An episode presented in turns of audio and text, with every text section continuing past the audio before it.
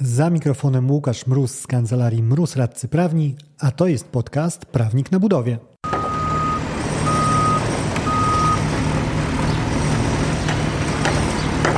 Faktycznie, zapłacenie inwestorowi 10% wynagrodzenia za odstąpienie od kontraktu ciąży kwotowo mniej niż dokończenie robót w realiach gwałtownie rosnących kosztów.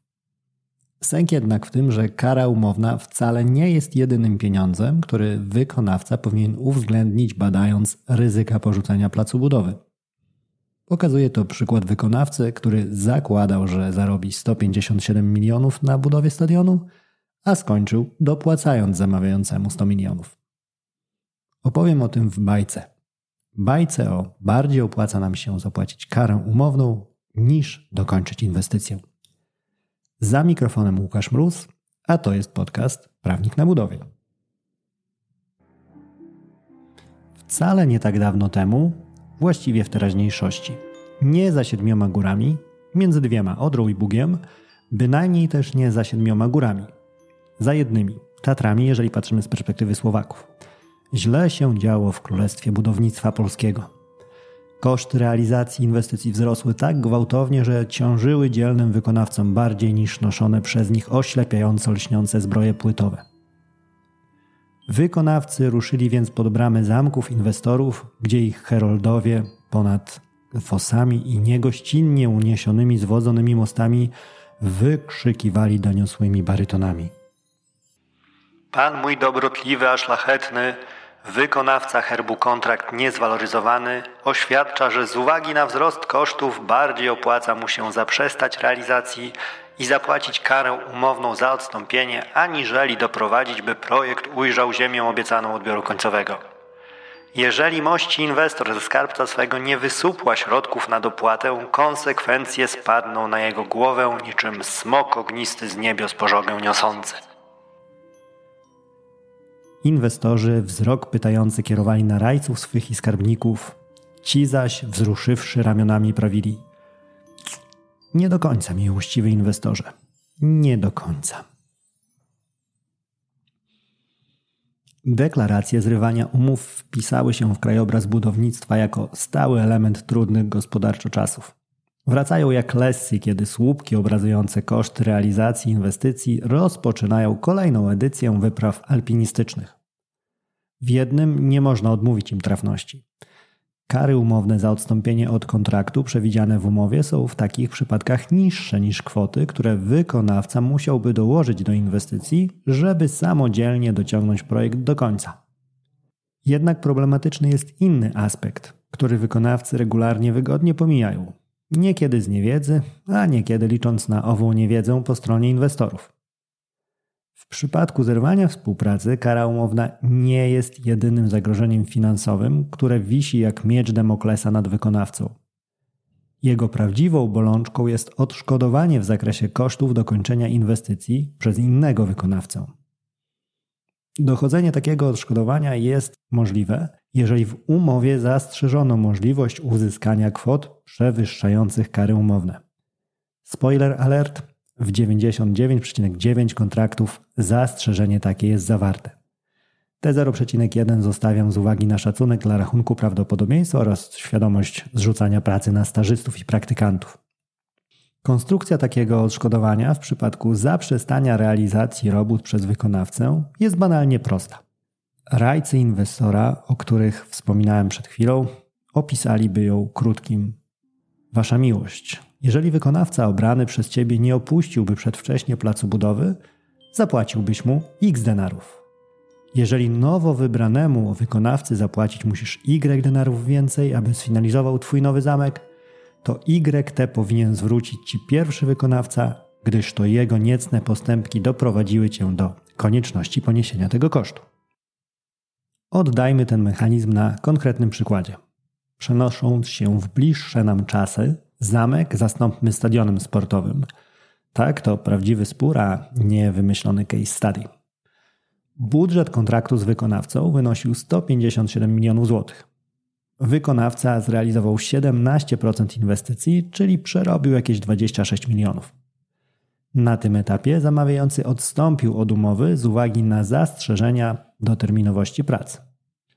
Kontrakt na dokończenie stadionu, zawarty z kolejnym wykonawcą, opiewał już na 256 milionów złotych. Zamawiający domagał się od pierwszego wykonawcy zapłaty 136 milionów złotych odszkodowania.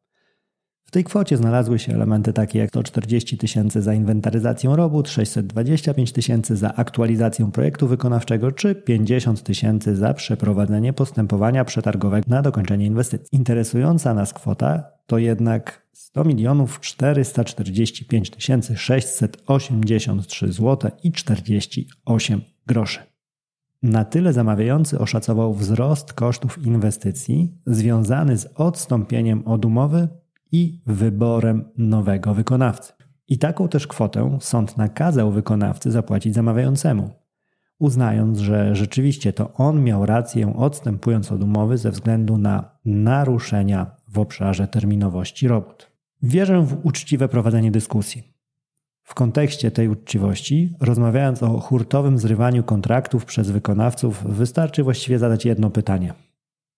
Ile znasz przypadków, kiedy po marcu 2022 wykonawca zdecydował się po prostu porzucić plac budowy z uwagi na wzrost kosztów? Odpowiedź pokazuje, na ile realne są zapowiedzi takiego scenariusza. Wyłączę tu poza nawias sektor drobnych projektów, nie dlatego, że deprecjonują ich wartość, po prostu małe inwestycje inwestorów prywatnych czy nieduże umowy podwykonawcze rządzą się swoimi prawami, a jednym z tych praw jest to, że faktycznie może zdarzyć się tam, że kontrahent nie pociągnie drugiej strony do odpowiedzialności. Ale wracając do uczciwości. Właśnie z jej powodu zaznaczę też ważną rzecz na wypadek, gdyby umknęła ci przy, kiedy opisywałem ten case stadionu. Odstąpienie w jego przypadku nastąpiło z uwagi na zastrzeżenia zamawiającego co do tempa postępu prac. Tle przewijał się natomiast wątek gwałtownego wzrostu kosztów, który obecnie jest podnoszony jako uzasadnienie zrywania współpracy z wykonawcą. Trafne jest więc od razu postawienie pytania, czy ten element nie zmieniłby rozstrzygnięcia. To jednak pytanie, które wymagałoby kolejnego materiału, zdecydowanie większej objętości niż ten odcinek. I nie jest to też problem, który chciałem wziąć dziś na warsztat. Dziś chciałem poruszyć samą kwestię twierdzenia, jakoby wysokość kary umownej sprawiała, że jej zapłata jest atrakcyjną alternatywą dla dokończenia inwestycji. A do tego wątku opisana sytuacja stadionu pasuje jak najbardziej. Wniosek, który chciałem przekazać, brzmi następująco. Nie, Kara umowna nie jest jedynym aspektem dolegliwości finansowych, które wykonawca powinien brać pod uwagę, zaprzestając realizacji kontraktu. Jeżeli sąd przypisze wykonawcy odpowiedzialność za zakończenie realizacji przed wykonaniem całego obiektu, kara umowna nie musi być jedynymi ani najcięższymi złotów, utratą których musi liczyć się wykonawca. Na radarze potencjalnych obciążeń przez wykonawców powinny być też koszty dokończenia inwestycji przez inną firmę, Koszty, które naturalnie będą w obecnych warunkach rynkowych wyższe niż to, co sam wykonawca musiałby dołożyć do interesu, gdyby zdecydował się na dowiezienie tematu do finiszu. A żeby nie zostawiać wykonawców zupełnie bez jakiegokolwiek odniesienia się do obecnej sytuacji rynkowej, kończąc dodam jeszcze jedną myśl. Owszem, gwałtowny wzrost kosztów realizacji inwestycji jest faktem i ciężko przypisać go wykonawcy. Przestrzegam jednak przed hura optymistycznym przyjmowaniem każdorazowo, Skoro wzrost kosztów jest okolicznością obiektywną, to przecież żaden sąd nie zgodzi się na obciążenie mnie karą umowną za odstąpienie przy, przy zaprzestaniu realizacji. Jak każda taka skrajna generalizacja, niesie ona za sobą ryzyko sparzenia się na jej przyjęciu. Sparzenia się, które jak widać na przykładzie omówionym wyżej, ma wpisane w siebie znaczne ryzyko finansowe. Dzięki za odsłuchanie tego odcinka. Jeżeli chcesz się ze mną skontaktować, możesz napisać na biuro kancelariamroz.pl albo zadzwonić na 577 665 077. Znajdziesz mnie też w mediach społecznościowych. Na LinkedIn jako Łukasz Mróz, a na TikToku, Facebooku i Instagramie jako Prawnik na Budowie.